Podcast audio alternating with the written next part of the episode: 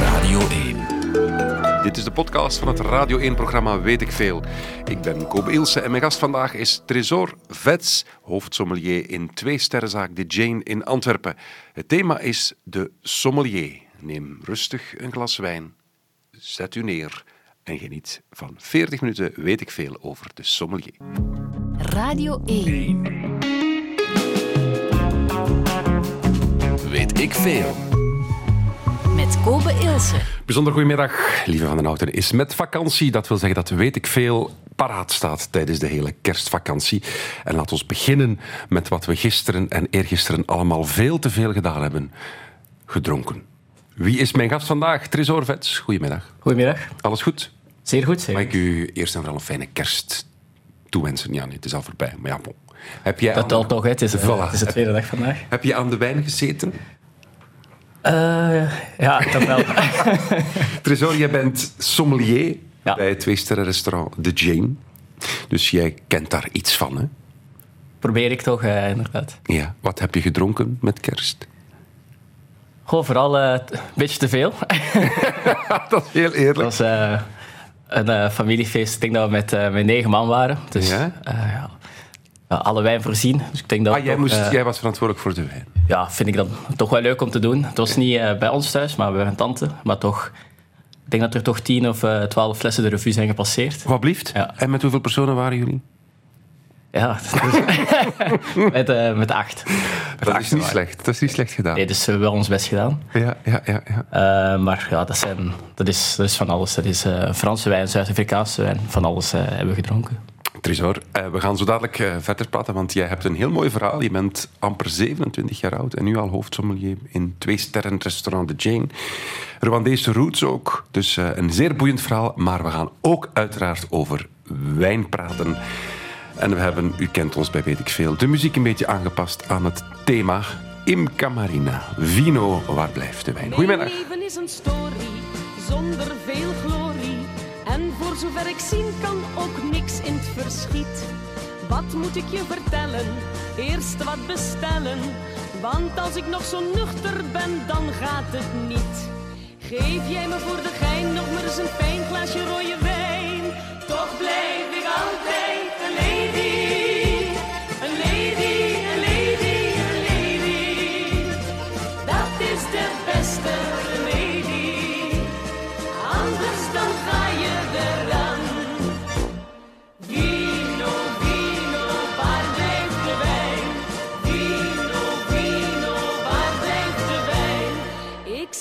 van tevoren, wat je zult horen, dat is gewoon de keiharde realiteit. Hoe diep een vrouw kan vallen, ik sta niet te lallen. Ik raak alleen het brok in mijn keel nog niet kwijt. Toch blijf ik altijd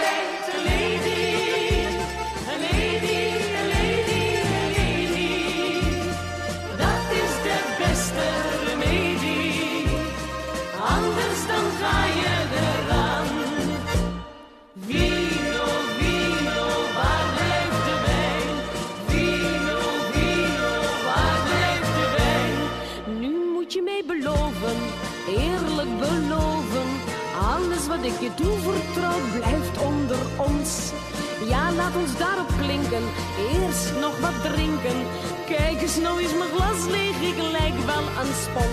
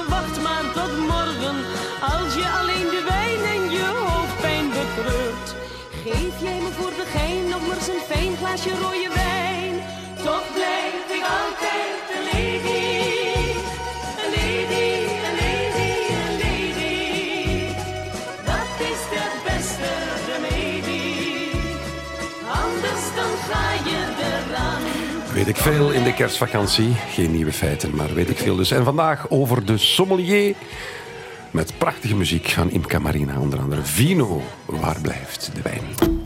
Well, yes, yes. But um, that was before we knew what the problems were, particularly. But I, my old Aston Martin, which I've had for 51 years, that runs on, can you believe this, surplus English white wine. You and convert and whey fuel. from the cheese presses. King Charles die zegt dat zijn oude Aston Martin rijdt op kaas en wijn. Tresor zit bij mij. Tresor Vets, sommelier, hoofdsommelier bij het twee-sterren restaurant De Jane. Straks over de job sommelier, maar misschien eerst even over jezelf. Amper 27 jaar oud. En toch al on top of the food chain binnen De Jane. Hoe ben je daar in godsnaam beland? En hoe ben je zo snel opgeklommen? Eh, eigenlijk heel toevallig dat ik daar eh, gestart ben. Ik eh, heb heel lang bij een uitzendbureau gewerkt. Dat noemde Point, Point Events and Solutions. En die stuurde studenten uit naar verschillende ja, wat is familiefeesten, maar ook bedrijfsfeesten en dergelijke. Eh, en daar was ik gestart op mijn 16. Ik heb daar tot mijn 19 dan, ehm, dan gewerkt. Dus na drie jaar ja, was je zo wel, de vaste waarde. Ehm, en toevallig ging toen eh, de Jane open. Dat was het eh, eerste jaar van het eh, restaurant. En dan huurden ze eigenlijk steeds één persoon in van Point om het water en het brood eigenlijk op tafel te zetten, die service. En ook om de glazen te, Ah ja. te wassen. En ja, op een, ik, denk een donderdagmiddag moest ik er dan staan in de Jane. En dan heb ik een hele dag gewerkt. Niet één middag, want normaal ja, mag je maar acht uur werken of zo. denk ik. Ik heb dan eh, ja, een hele avond doorgewerkt ook, omdat ze mij dat eh, hadden gevraagd. En eigenlijk eh, werd mij dan ook op het einde van die dag gevraagd door de manager of ik daar niet de vaste student wilde worden. Na één dag al. Ja, Amai. ja. en daar heb ik eerlijk gezegd toch nog even over nagedacht. Ja. Ik denk dat ik er toch een week of twee heb laten broeden. En dan ja, toch de, de stap gewaagd om er als, eh, als student te beginnen. Mhm. Dus je bent echt als jobstudent daar terechtgekomen, vast in dienst gekomen. Maar had je al ervaring met wijn? Nee. Nee? Nee, alles behalve. Oké. Wauw. En dan, be- ja, dan begin je eraan, dan leer je de dingen kennen. Ga je proeven? Of, of hoe, heb je het aangepakt? Goh, in de eerste twee jaar heb ik eigenlijk eh, vooral alle andere facetten eh, geleerd. Door, ja, ik werkte ook, wel- ik was een jobstudent, maar eigenlijk meer, meer in de Jane denk ik dan eh, in de boeken. Dus ik deed wel, goh, toch wel, we waren tien services open en ik denk dat ik er toch zeven van deed. Ja, ja, ja. Gemiddeld. Want wat studeerde je toen? Marketing. Marketing. Niks met wijn te maken. Nee, alles behalve. Oké, goed. Ehm, en ja, ik heb eigenlijk de eerste twee jaar vooral echt in het restaurant zelf gestaan. Niet per se ehm, gefocust op wijn of op dranken. Ehm, maar dan ja, is toch die klik ergens gekomen, ook wel door de, de vorige sommelier. Die, ehm, ja, het is altijd traditie van eh, na de laatste servies een glaasje wijn te drinken met, eh, met het personeel, met het team. Eigenlijk, De weet je, eh, overschotjes of echt, wordt er nog echt een fles open gedaan? het is normaal altijd de overschotjes, maar ja, vaak is dat dan te weinig en worden er toch flessen open gedaan. Ja.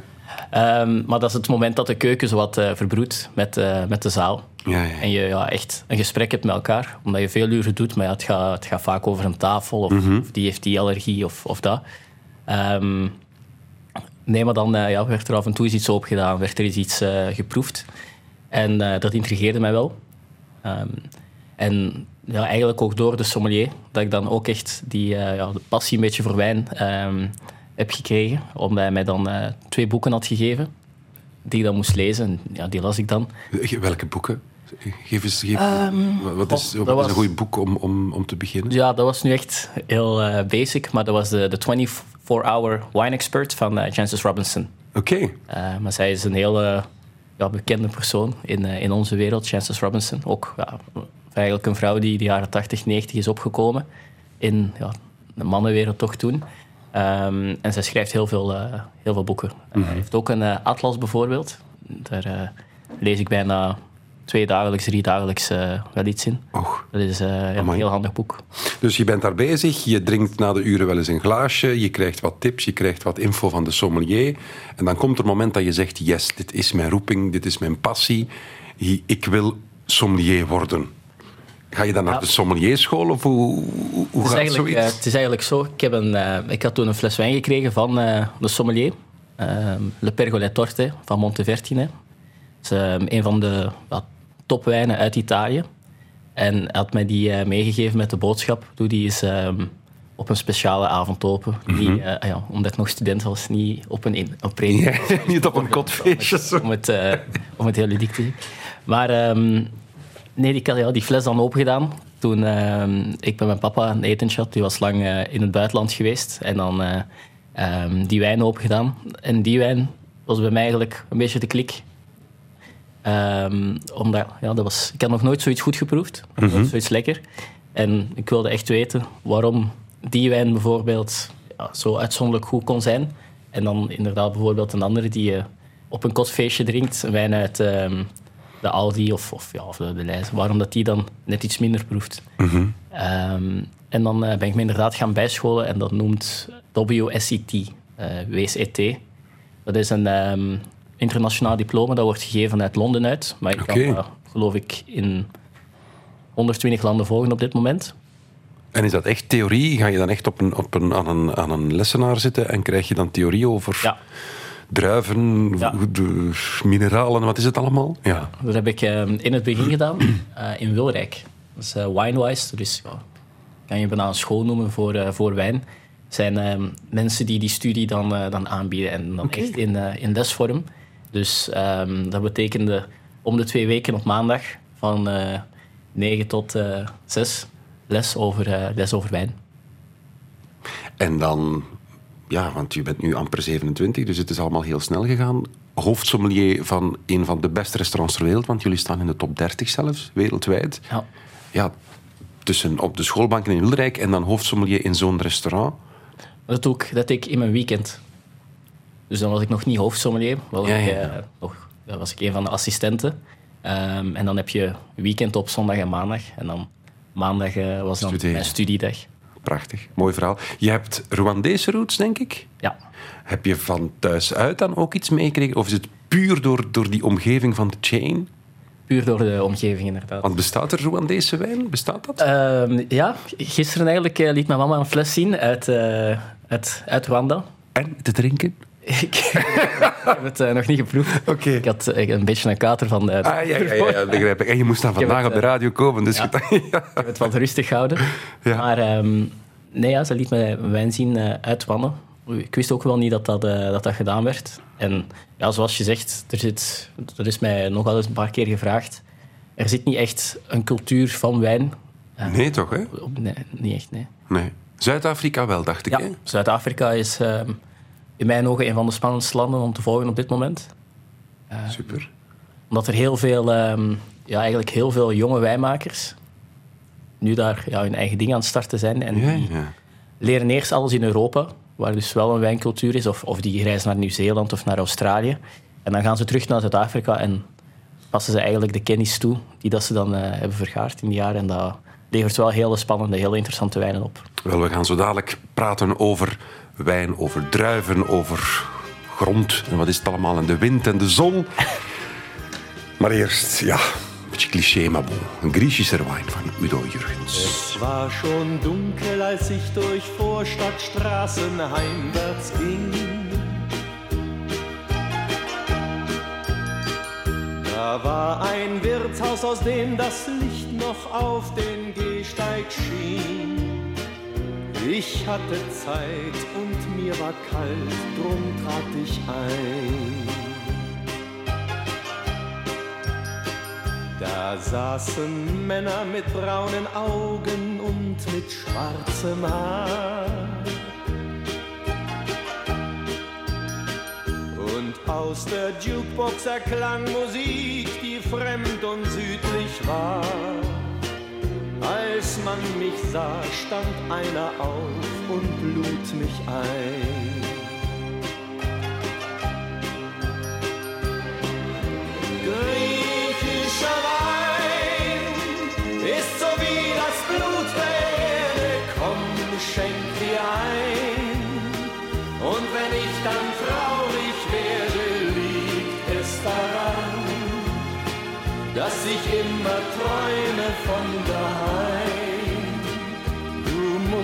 verzeihen.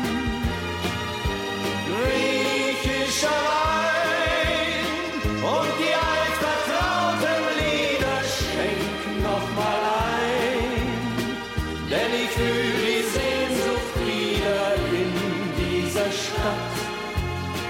Werd ich immer nur ein Fremder sein und allein.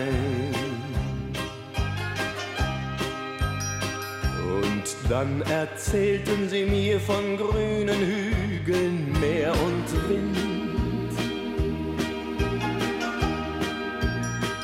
Von alten Häusern und jungen Frauen, die alleine sind.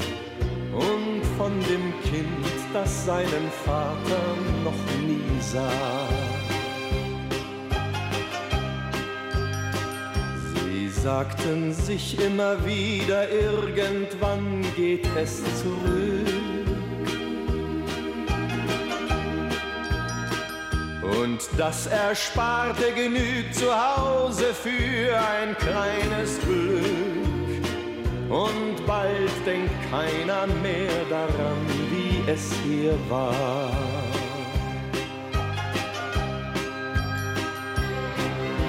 Griechischer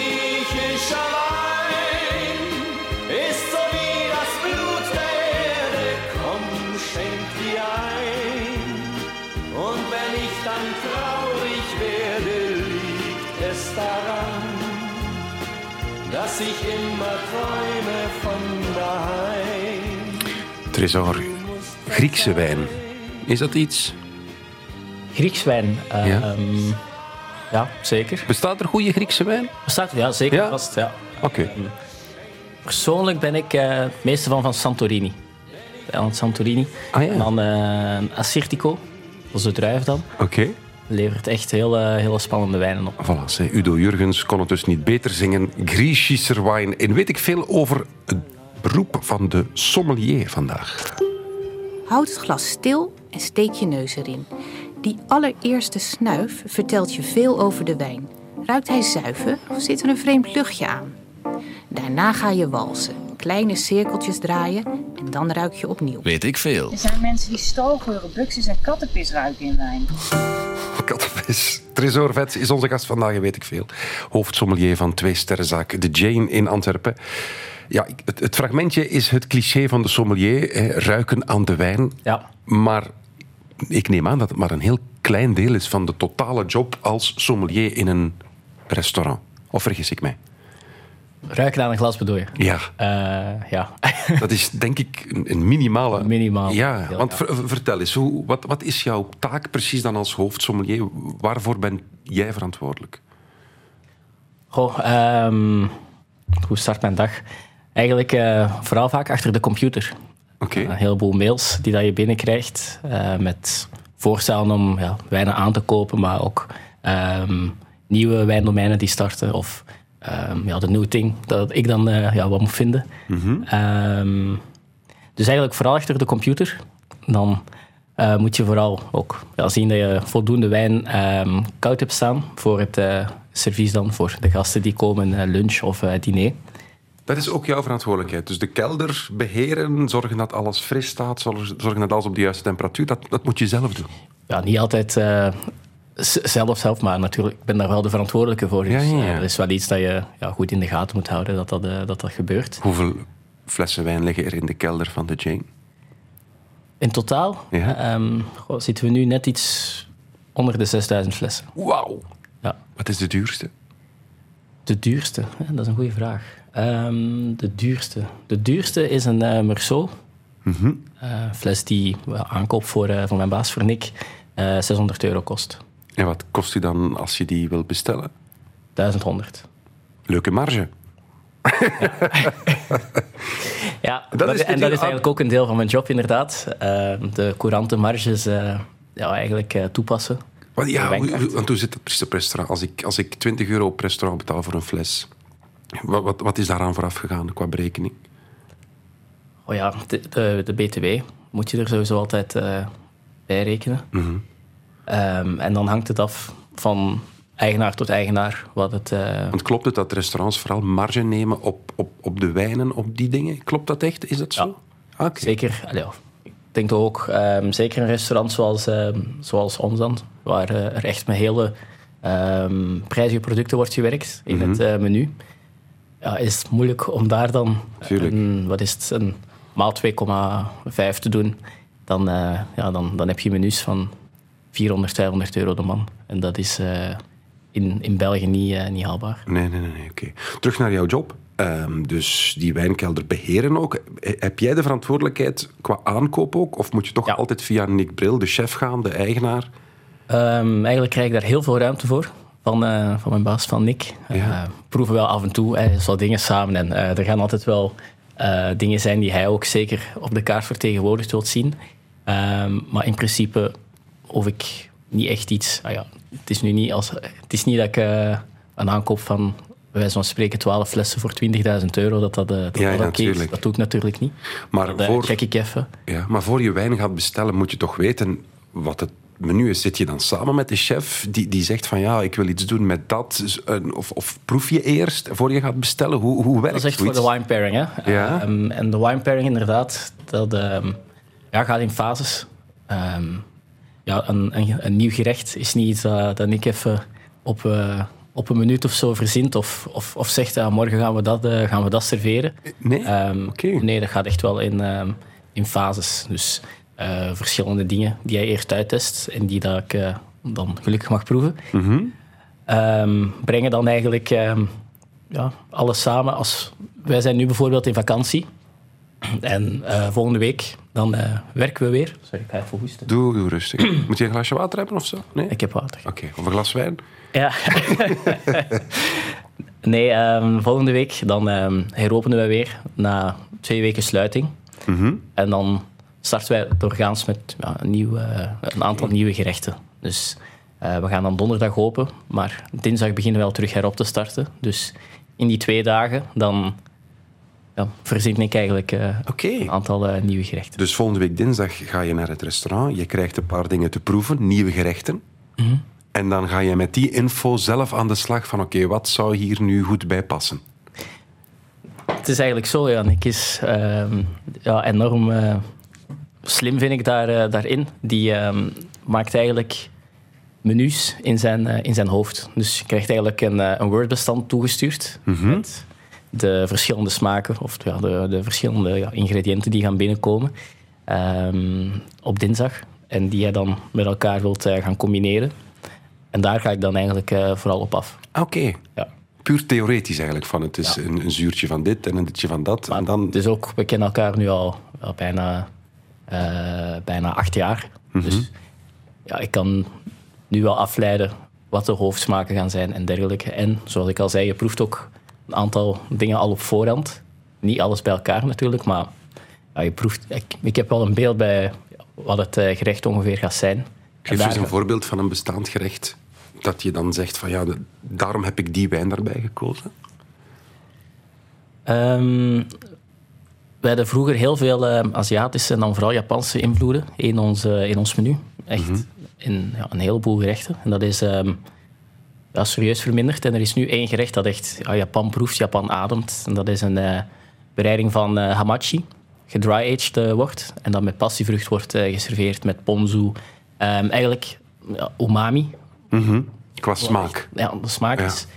Ehm, en daar serveer ik, en dat is eigenlijk de eerste wijn van, van de pairing, een oude Riesling bij. Riesling uit de jaren 90, Oké. met wat, met wat restzoet. En eigenlijk ga je ook ja, ga ik wat aanvullen bij dat umami dat je eigenlijk eh, proeft. En ook bij eh, het, ja, het zoete bijna van, van de passievrucht, het zoetzuur. eigenlijk. Want een oude Riesling eh, die blijft zijn zuur wel behouden, zijn, zijn aciditeit. Maar die verandert wel naar een, een smaakprofiel van steenfruit. Dus echt perzik, abrikoos, rijpe appel, eh, passievrucht. En dat connecteert dan met die, die, die fruittoets in het gerecht ook. Ja. Wauw. Want je En zou denken... het is heel raar om mee te beginnen. Ja, de Ja. mensen kijken je raar aan, want ja, je serveert eerst de wijn en dan pas komt het gerecht. Dus een, een oude Riesling met restzoet ja, is misschien niet de, de way to go. Ehm, Maar dan in combinatie, in functie van het gerecht werkt het wel. En dat eh, is wel heel aangenaam. Dat is voor veel mensen vaak de, de, de wijn geweest van, eh, van hun middag of van hun eh, diner.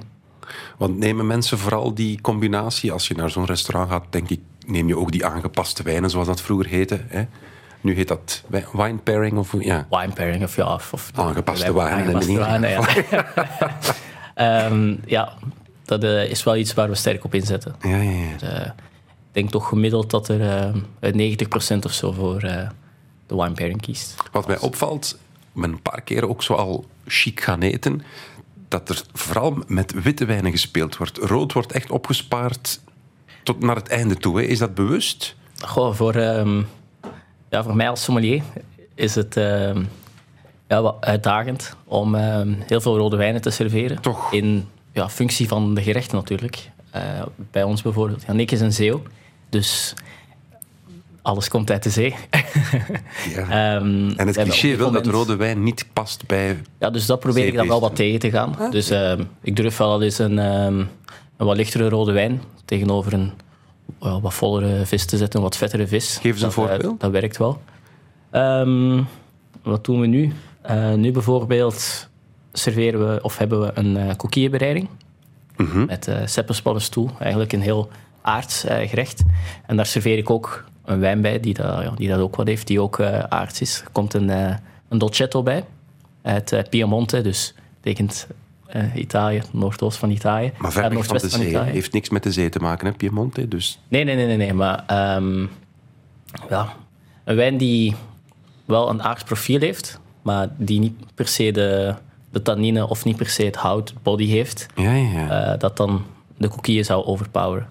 Dus het kan perfect, je kan perfect rode wijn bij vis serveren. Dat, dat, dat, Ik vind dat Ja. bijzonder lekker. En ik kan zelf ehm, met de temperatuur spelen. Eh, wijn licht gekoeld, een rode wijn licht gekoeld ehm, serveren. En dan, dan heb je soms, als je dat dan blind zou proeven, heb je soms niet eens door dat eh, dat rode wijn is. dat is zo'n een cliché dat leeft, hè, van blind proeven, wijn op 4 of 5 graden, wit of rood, je zou het niet proeven. Klopt dat echt? Want ik kan me dat moeilijk voorstellen. Is dat echt Zou je nog een keer? Als je blind proeft Ja? en je serveert witte en rode wijn, maar ook allebei op 4 of 5 graden, dus echt heel gekoeld, dat je het verschil tussen wit en rood niet zou proeven. Goh. Dat vind ik moeilijk. Ik denk, ik- Jij misschien wel. dat hangt, ik denk dat het ook wel echt enorm afhangt van welk type eh, wijnen. Mhm. Want ik denk dat, dat je een, bijvoorbeeld een Bordeaux, dat je dat altijd gaat proeven dat dat een, eh, dat dat een rode wijn is. Een wijn die veel hout gezien heeft, ehm, een wijn met veel tannine, een wijn met veel zuren. Ondanks dat je dat op inderdaad een 4 of 5 graden serveert, ga je dat toch, Toch proeven. blijven merken. Ja. Oké. Ehm, om af te ronden ga je dan, denk ik, het cliché wel naar de zoete wijnen. Klopt dat? Of zeg je, nee, dat is ouderwets, doe dat toch niet meer? Wat liefst? Was, Of is dat ouderwets? welk zoete? Zo zoete wijn naar het einde toe? Ik merk daar, eh, ja, als, we hebben het daar vaak over eh, onderling met sommeliers. Heel veel mensen zijn daar precies wat eh, tegen de laatste tijd. Ja, omdat het misschien zo wat cliché is of zo? Nee? Ja, ik krijg toch ook vaak inderdaad de, de boodschap zoal ehm, voor het hoofdgerecht of na het hoofdgerecht van ja, ehm, serveer maar gewoon de rode wijn door. Wij hoeven geen, eh, geen zoete wijn te hebben. Maar nou, dat vind ik eh, af en toe wel jammer. En ook, het is dan aan ons, eh, want we merken dat op, dat, dat onze gasten dat niet meer ehm, ja, echt appreciëren. Maar dan is het aan ons om ja, gewoon iets leuk te vinden. En dat eh, probeer ik dan ook wel te doen. Eh, ik werk al snel met een cider bijvoorbeeld. Of Cider. ehm, Wat is, wat is nu weer de eigenschap van cider? Dat, dat, dat- heel bruisend, nee? Kan dat? Ja, dus dat, dat hebben me- veel mensen ook in hun achterhoofd. Maar er zijn eigenlijk heel kwalitatieve ciders op dit moment. Eh ciders die worden gemaakt zoals champagne, hè, dus met twee fermentaties. En ja, die, zijn, die zijn lichtzoet, die zijn fris. Dat, is, dat hoeft niet plakkerig of stroperig te zijn, Mhm. eh, dat wat mensen verwachten als ze dessertwijn horen. Ehm, wat serveren wij nu? Wij serveren nu op dit moment een eh, Riesling. Ook dan, dus ja, je Daar ben, met... je, Rie- ja. daar- daar ben je zot van, hè, man? ja, inderdaad. Nochtans, Riesling. Vroeger was dat zo de, zo de, de bomma-wijn. Of zo. Qua, qua, qua imago, hè. Een Riesling, dat was zo goedkoop. En, en, maar dat klopt dus niet meer. Ah, ik vind dat een van de meest complexe druiven, Allee, eerlijk gezegd. Ja. oké. Omdat je die dus zo oud kan drinken, maar dat Riesling toch nog ja, die fraîcheur, die frisheid blijven waar. Dat vind ik eh, dat is fantastisch. Voor mensen die nu aan het luisteren zijn, het is 12 uur 35 smiddags. Welk glaasje zou je nu aanraden? Iemand die een boterham zit te eten met een schel kaas tussen. Goh, nu op dit moment zou ik, ehm, ook met de temperaturen en zo, hè, dan zou ik een, eh een lange Nebbiolo of zo wel open doen. Dus ook iets uit Piemonte. Dat past nu echt bij dit seizoen, vind ik. eh, Dat is rood, ja, inderdaad. eh Nebbiolo. Ehm, ja, dat is de meest aangeplante druif uit het gebied daar. Ehm, en ja, die heeft zo wat dat, dat, dat, dat aard. eh, dat, is zo bij, dat heel winters gevoel op dit moment, eh, op, op dit moment past. En dan zo'n dutje. Hè? Ja. Ja, maar wij gaan muziek draaien. Zo dadelijk babbelen verder, Tresor.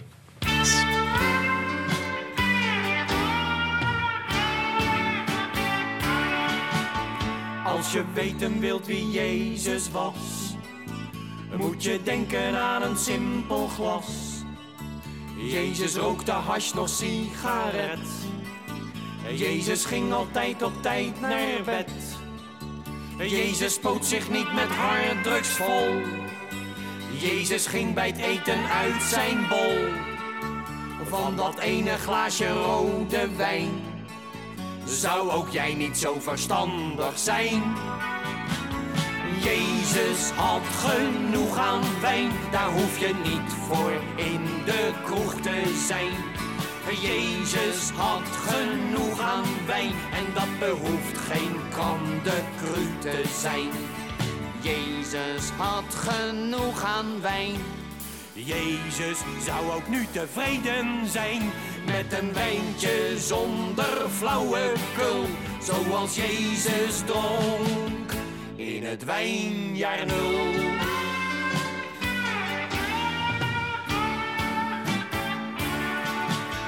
Als je weten wilt wie Jezus was, denk dan aan een blanco giropas.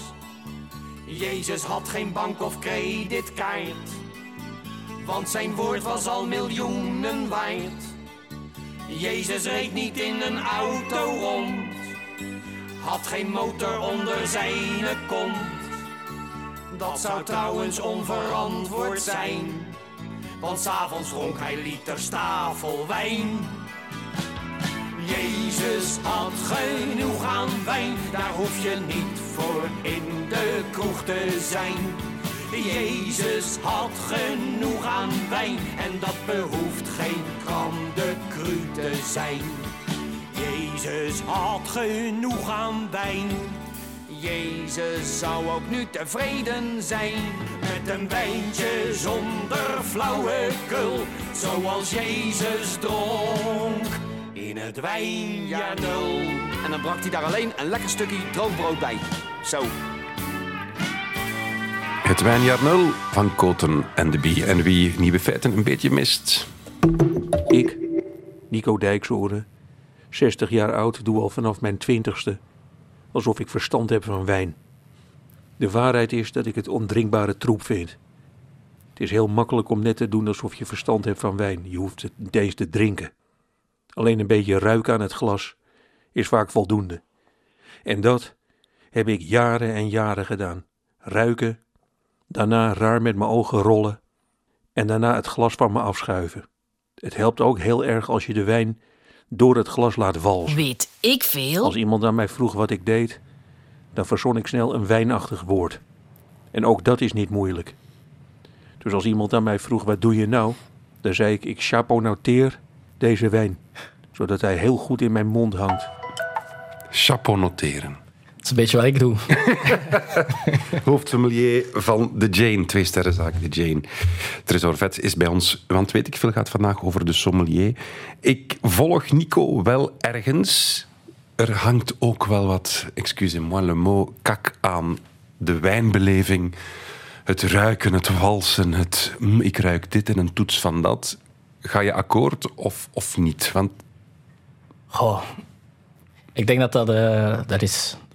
Er gaan altijd inderdaad mensen zijn, maar dat is, dat is, in, eh, dat is in elk onderwerp, denk ik. Maar inderdaad, wijn kan dat eh zoal snel... Het cultiveert wel een beetje snobisme, ja, voilà. af en toe.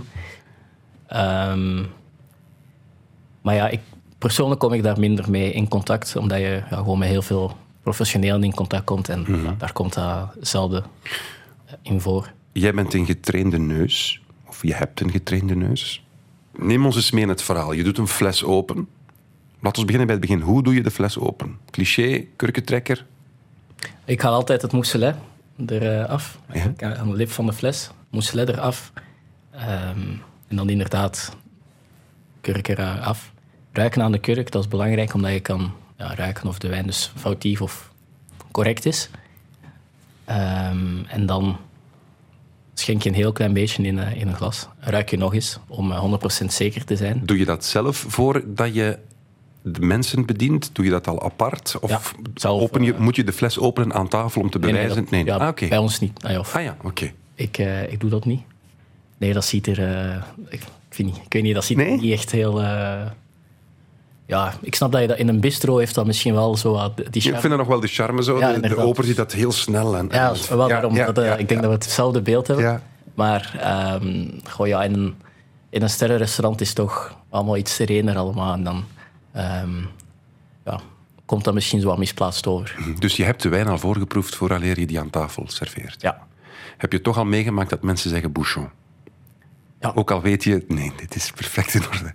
Ja. Serieus? Oh, heerlijk. Wat- doe je dan?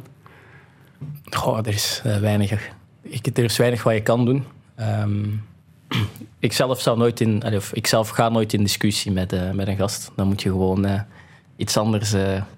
Meen je dat? Ook al weet je, er is niks mis mee, dan, ga je, dan zeg je gewoon, oké, ik zal iets anders schenken. ja, in mijn ogen is er niet echt iets mee te winnen. Want ook al bewijs ik aan die gast dat, ehm, dat die wijn geen kurk heeft, gaat die toch met tegenzin opdrinken. Tuurlijk, En oh ja, dan, dan heb je eigenlijk twee verliezers. Eh, tuurlijk. Ik die mij kwaad maak en Mhm. eh, die persoon die dan van eerst heel blij zijn, na Ja. ineens met tegenzin in een, eh, in een Maar denk je daar niet, wat een hufter? Ah, ja, eh, ik heb dat een paar keer meegemaakt, ja, dat mensen er echt heel overtuigd van zijn. En ah, zo biedt dan. dan eh, het los. en die fles, die is niet, allee, als die niet foutief is, dan eh, kan je die fles nog aan een andere tafel verkopen, maar dan bij het glas. Ja, ja, voilà. Dus het is niet dat weggesmeten geld is of zo. Het is omdat mijn baas aan het luisteren is. Anders. het is niet na de uren. Kluk, kluk, kluk. Ja. Dus we zijn bezig. Hè. We, we openen de fles. Je ruikt onmiddellijk aan de... Kan je dat ook als leek onmiddellijk ruiken? Mocht de wijn eh, Nee. slecht zijn? ik vind dat niet. Nee? En ik vind zelf dat... soms heb ik ook twijfel. En, Meen je het? Ja. Ja, zeker. Want wat is, wat is zo de geur van Bouchon? Wat, wat- hoe, hoe ruikt Ja, dat? voor mij is dat echt een, een, heel, een heel muf aroma. Of, of een kurk die heel dof ruikt, die, die gaan naar niks ruikt, bijvoorbeeld. Of die echt al naar dat aroma gaat van eh, nat karton of van eh, ja, zo'n oude kelder. Ja, ja, ja. Eh, dat vooral. Mhm. Hoe komt dat eigenlijk? Is dat omdat de kurk niet goed sluit? Is, is- klopt dat? Of, of is dat gewoon een proces in de nee, wijn? dat is de kurk die de wijn heeft eh, aangetast. Oké. Ja, chemische structuur, TCA eh, noemt dat dan. En eh, die tast eigenlijk de wijn aan. Ah.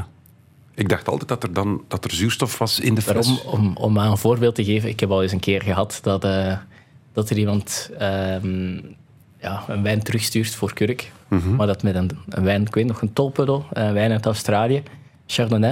En dat was met een draaistop. Dus onmogelijk. Maar ja, zeg je dat dan niet van meneer? Nee. nee, ja ma- maak je me dan wel... Ja. Dus een, een fles met draaistop kan nooit kan wel foutief zijn, hè? Ja. dus ehm, kan altijd een fout op een wijn zitten, maar de, ja, de kans is gewoon zoveel kleiner als, ja, eh, als met een kurk. We hebben de kurk geroken. Je zegt, geen probleem. Dan ga je inderdaad voorproeven. Mag ik vragen, hoe, hoe je, hoe, welke hoeveelheid heb jij nodig om te proeven? Want je kan toch Dat is echt miniem. Ja, dat Ja? Is, ja miniem. Ben jij tipsy aan het einde van een, een shift? Of? Nee, nee. totaal niet. Nee, nee, mijn baas is aan het luisteren. dus nee, nee. Nee, nee, maar ja, het, is, het is een oprechte vraag. Want ja, eh, proeven nee, nee, is proeven toch? Ja. Veel, ehm, je krijgt die vraag vaak, maar ehm, nee, ja, je spuwt ook alles uit. Allee, ik toch. Ik Meen drink, het? ja, ik drink niet doorheen de week, dus Oké. blijf gewoon altijd eh, nuchter. Mhm. Eh, dus ik, alles wat ik spuw, sorry, alles wat ik proef, spuw ik steeds uit. Dan ga je aan tafel. Wat is de volgorde nu ook weer? Wie krijgt eerst? Ehm, Wat zegt de etiket? ja, ik ik ehm, serveer aan de persoon die dat de wijn besteld heeft. En dan zou het het moeten zijn eerst de vrouwen en dan als laatste eigenlijk de gastheer en de persoon die dan eh proefd heeft. Maar ja, wij zijn misschien iets minder eh into et- etiketten of zo in onze restaurant, dus dat maakt niet gigantisch veel uit. Ik laat wel altijd de, de persoon proeven die de fles kiest natuurlijk. Mhm. Of als die aangeeft dat hij ja, iemand anders wil laten proeven. Ik vraag het eigenlijk eh doorgaans ook vaak. Ehm, omdat je... Ja, er wordt wel snel eh, gedacht, denk ik, ja, de, de man moet proeven en niet de vrouw. En ja, tegenwoordig is dat ja, toch wel een hot topic. Dus ik vraag het eigenlijk eh, voor. Wie gaat er proeven? Ja. En dan moet je witte anders serveren dan rode. Want ik heb ooit geleerd, je mag witte wijn niet vastnemen echt. Omdat door je lichaamswarmte ga je ook de wijn opwarmen. Klopt dat of is dat cliché? Een verkeerd... Ik zou het eerder onder cliché dan... eh, Ja? ja. Neem je de fles onderaan vast? Ja, dat wel. Dus onderaan. Onderaan. En dan... ik doe het met rood, hetzelfde als met wit. Ah, oké. Dat is, wijn wordt pas warmer, denk ik, als je die ja, echt tegen je lichaam of zo zou houden. Maar Mhm. dat, eh, om in die 10 seconden of zo dat je nodig hebt om. waar. En zo die... Aan de onderkant van de wijn is er een, een holte. Ja. Is dat effectief om je duim in te Dat is stoppen? met, met champagne is dat soms wel handig. Als je echt een hele grote fles hebt, dan eh, kan dat wel handig zijn. Omdat je dan niet je hele hand... ah ja, ik toch. Ik krijg dan niet helemaal mijn hele hand rond eh, Mhm. de onderkant van die fles. Dus dan is het wel handig om eh, met je duim in die holte te, te zitten. Wat is de perfecte hoeveelheid? Hoeveel schenk je? Want bij ons thuis, bij het familiefeest, ja, is het glas vol. Hè? Ja. Maar wat is de stijlvolle hoeveelheid om te serveren aan je gasten? Mm, Of is dat op gevoel? 750 gedeeld door eh 7. 750 deelt door 7. Ja, dat moet je doen, denk ik. Iets boven de 100 milliliter dan. Ja. Is het waar? Zeven glazen per, per fles. Ja. Ah, ik dacht altijd zes. Maar dat is misschien bij ons in de familie. Ja, je, je ziet grote glazen waarschijnlijk. Ja. ja het is zeven, zeven glazen per fles. Hè? Dat ziet er ehm, bij ons bijvoorbeeld eh, meest, meer stijlvol uit. Waarom heeft rode grotere glazen dan witte? Lucht. Eh, dat je de wijn eh, ja, in contact laat komen met, eh, met meer lucht. Dus hoe breder eigenlijk, hoe meer lucht dat er aan de wijn zit. En dan eh, ehm, ja, een rode wijn, die, zoals daarnet bijvoorbeeld, wat ik zei, een rode wijn, een Bordeaux bijvoorbeeld, ja, die heeft er dan wel baat bij. Om niet in een eh, mega klein, in een flut bijvoorbeeld, eh, bij wijze van spreken, geschonken te worden. Omdat je dan echt eh, een heel compact glas hebt, waardoor dat eigenlijk vooral de zuren en de, de tannines meer naar voren komen en veel minder het fruit van, eh, van de wijn. Dus die, die, de- grootte van het glas bepaalt ook de smaakbeleving van de wijn. Ja. Oké, ah, dat wist ik niet. Ja. En ook hoe, hoe dik het glas is, hoe dun het glas is, dat is ook eh, belangrijk. Daarom dat- Ehm, omdat, je, omdat je wijn in minder... hoe dunner je glas, hoe minder contact dat je wijn heeft met dat glas. Dus ja, hoe meer open de- die is, bij wijze van spreken. Dus ehm, daarom dat eh, er ja, heel veel mensen zijn die al snel een, een, een mondgeblazen glas willen. Eh, dat zie je ook bij ons in het eh, restaurant. Mondgeblazen glazen die zijn dunner als bijvoorbeeld een, een goedkoop glas uit, uit Ikea. Ehm, en ja, die wijn proeft echt wel beter, of komt beter tot zijn recht in dat mondgeblazen glas dan in eh, dat glas uit Ikea. Moet ik walsen met wijn? Of is dat show? Nee, ik doe dat ook. En dat is dus... wa- Je laat de wijn dus in contact komen met lucht. En dus eh, die wijn die wordt eh, aromatischer. Als je dat dan, eh, als je dan gewalst hebt. Met wit en rood walsen? Ja. Serieus? Want ik zou denken wit... Ik doe dat zelf met bubbels. En dat is eh, ja, misschien heel onlogisch, omdat dan eh, de moesten sneller eh, weggaat. Maar zelf met champagne vind ik dat... eh, Net omdat die zuurstof toch die wat extra kracht gaat geven, dat die smaken wat, eh, wat loskomen. ja. Tresor, we leren bij, we leren bij. Op, op nieuwjaar, op oudejaarsavond, we gaan... We gaan al, we gaan al die techniek... doen, Ja, ja. ja, we gaan dat doen, we gaan dat doen. Strawberries, cherries, kiss in spring. My summer wine is really made from all these things.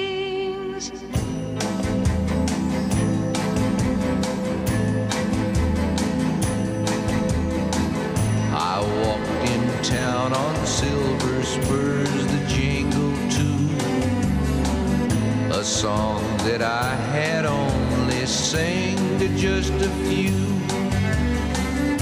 Saw my silver spurs and said, Let's pass some time. And I will give to you summer wine. Oh, summer wine. Strawberries, cherries, and summer wine is really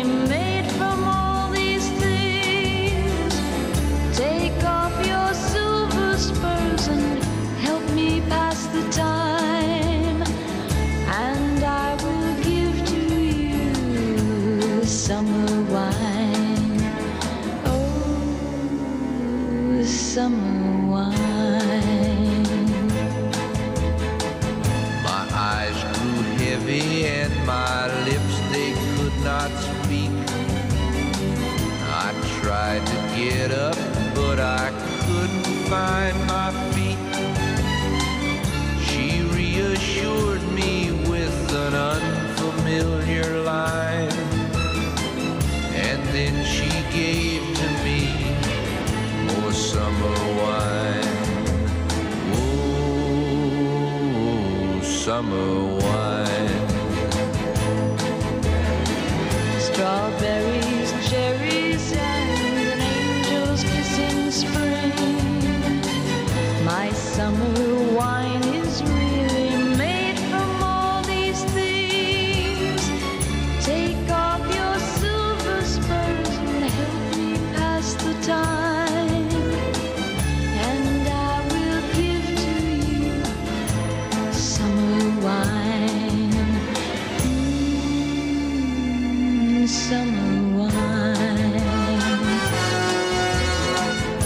When I woke up, the sun was shining in my eyes. My silver spurs were gone, my head felt twice its size.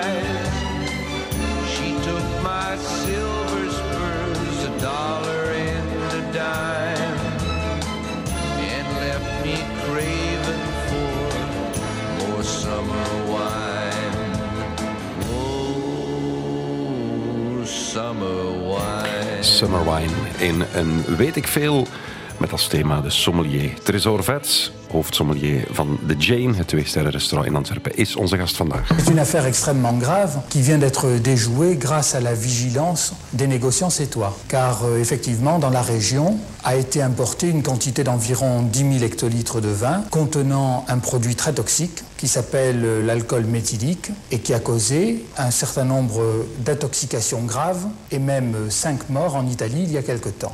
Groot drama in 1986 alweer. Er was eh, methanol gevonden in Franse wijn. En zo zijn er nog wel wat ja, schandalen gebeurd in de geschiedenis van de wijn, omdat het ook zo'n duur en exclusief product is bij momenten. Een tresor, sommelier. Wat is een goede wijn? Kan je, kan je daar een definitie van geven? En kan je daar vooral, denk ik, wat heel veel mensen zich afvragen, kan je daar een prijs op plakken? Binnenkort zitten we weer aan de feesttafel. We willen allemaal onze gasten verwennen met een lekkere wijn. Wat moet dat kosten? Of, of kan je dat zo niet uitdrukken? Dat vind ik moeilijk inderdaad om het eh, echt uit te drukken in, ja, in, in prijs. Ehm, en ook, het is heel subjectief, een goede wijn. Ja, maar slechte wijn is wel voor iedereen slechte wijn. Ja, Begrijp ja. wat ik wil zeggen? Ja. Ehm, eigenlijk een heel, ehm, ja, een heel simpel ding dat ik eh, ook uit mijn, eh, mijn studies dan bijvoorbeeld heb, heb meegekregen. Blik. De blikmethode eh, noemde dat. Wat is Dat de eigenlijk iets blikmethode? heel stom dat ik nog steeds toepas. Ja? Ehm, en blik, B-L-I-C, Mhm. eh, balans, lengte, intensiteit en, en complexiteit. Ehm, aan de hand van die vier parameters ehm, maakten wij eigenlijk of dat een wijn eh, goed was, of, of zeer goed, of uitstekend. En dat is eigenlijk ook nog steeds iets dat ik heel snel in mijn kop eh, toepas. Dus ja, als een wijn balans heeft, dan mag je iets een punt geven. Als En wat wil je zeggen heeft. met een wijn heeft balans? Dat, dat, dat het niet te zuur is of niet te zoet ja, is. inderdaad. Ja. Dus dat eigenlijk alle componenten ehm, in elkaar verweven zijn. Dus dat niet per se de, de zuren opvallen, niet per se het eh, fruit alleen maar blijft hangen en, en, en de wijn dus wat flats proeft, omdat die geen, Mhm. geen zuren heeft. Ehm, de tannines die niet te drogend zijn in de mond. Eigenlijk als al die dingen in één geheel met elkaar zitten, dan heb je voor mij dan een goede wijn. Nou ja, of ja, een topwijn, hè, een uitstekende wijn. Dat is natuurlijk ervan uitgaande dat je kan proeven. Maar ik heb mezelf ook al in die situatie bevonden. Je staat in de supermarkt voor het wijnrek. Tegenwoordig zijn dat rekken. En dat is een gigantisch aanbod. Begin maar, hè. Vivino vind ik een fantastische app. Dan Ja, begin je te foto foto's te nemen. Dan sta je er als een zot foto's te nemen. En dan zie je, ah ja, vier, vier sterren. Oké, die koop ik dan. En dat is eigenlijk ook heel relatief, want ja, voor, voor, voor hetzelfde geld is dat totaal niet ehm, het type wijn dat jij lekker vindt. Nee, of niet bij het gerecht dat je wil serveren. Want dat is ook weer... Ook Ja. Ehm, nee, ja, ik vind dat ook moeilijk. Eh, wijn, ehm, wijnen aankopen uit de supermarkt. Allee, of ik snap dat dat eh, voor heel veel mensen moeilijk is, omdat je echt ja, een muur Mhm. vol eh, wijnen hebt staan zonder echt informatie bij. Maar ik raad eigenlijk de meeste mensen gewoon aan om naar een wijnimporteur te gaan. Om echt daar- te praten en uit te dan, leggen. Ja, als je echt, als je, dan, als je toch echt eh, op zoek bent naar een eh, mooie fles, dan hoeft dat niet per se een 20 euro te kosten in de supermarkt, maar kan je bijvoorbeeld bij een eh, importeur ook heel leuke dingen onder de 10 euro vinden. Dat hoeft niet. Dat Kan hoeft dat in echt? Mijn, ja, dat hoeft in mijn ogen. Een, een goede wijn hoeft niet per se meer dan 10 euro te kosten, of, of, of 20 of 30 of 40 of 50. Dat vroeg ik mij nog af. Je zegt van ja, we hebben een fles van 1200 euro liggen. Er bestaan restaurants met flessen 2, 3, 4, 5, 6000 euro. Is dat gerechtvaardigd, die prijs? Of wordt het dan puur een beetje prestige van ik kan die fles bestellen? Wordt een wijn ook beter met elke 100 euro dat er dan bij komt? Goh ja, niet, ehm, hoe zeg je dat? Niet, ja, die, niet zo exponentieel inderdaad. Een wijn Nee. van eh 3000 euro is niet, wat is het, eh, 300 keer beter dan een van, eh, van 10. Ehm, ja, dat is, ook met, dat is met verschillende luxe producten denk ik ook. Dat heeft ook met marketing te maken, met eh, geschiedenis te maken. Ehm, dat maakt dat een wijn soms ja, aan de, dat prijskaartje komt. Dat een wijn, wijze van spreken, dat de buur van eh, een wijnmaker van een wijnmaker die wijnen heeft van 3000 euro, die verkoopt dan 30 euro. Ja, dat Mhm. heeft eh, ja, met verschillende factoren te maken. Zoals marketing, zoals eh, geschiedenis. Hoe vermijd ik een Chateau Migraine? Ehm, ja, goede vraag. Vaak vind ik, eh, als je dan toch in een supermarkt staat, een wijn die bijvoorbeeld het logo heeft dat, ehm, dat die biodynamisch is gemaakt, ehm, vind ik dat vaak nog wel acceptabel. Vind ik dat meevallen. Mhm. Niet dat dat is iets dat ik thuis zou open doen of, of met plezier een hele fles van zou leegdrinken, maar ehm, dat zijn vaak wel wijnen die Ah, acceptabel zijn. ja. En kan je op een of andere manier weten van dit is echt flutwijn? Nee. De, de prijs zal wel een indicatie zijn, 3 euro voor een fles. Ja, dan weet je het wel. Hè. Ja, maar zelf dan. Ik weet niet. Ik- Ja. Soms... ik- dat, is, ehm, dat is ook het leuke aan bijvoorbeeld eh, blindproeven. Mhm. Ehm, ik doe wel eens een blindproef waar dat er dan iets heel ja, goedkoop in zit. We gaan moeten afronden, jammer genoeg. Ah, no worries, no worries. Maar u mocht alsjeblieft bij een glas wijn nog wel wat verder uitleggen. Mag ik je ongelooflijk danken eh, voor Yes. dit uurtje. Fascinerend. 27 jaar hoofdsommelier in de Jane Tresorvet. Zeer bedankt. Alsjeblieft, dankjewel. Radio 1. Weet ik veel? Dit is het einde van deze podcast van Weet ik Veel. De Weet ik Veel is trouwens een programma van Radio 1. Op radio1.be vindt u nog veel meer.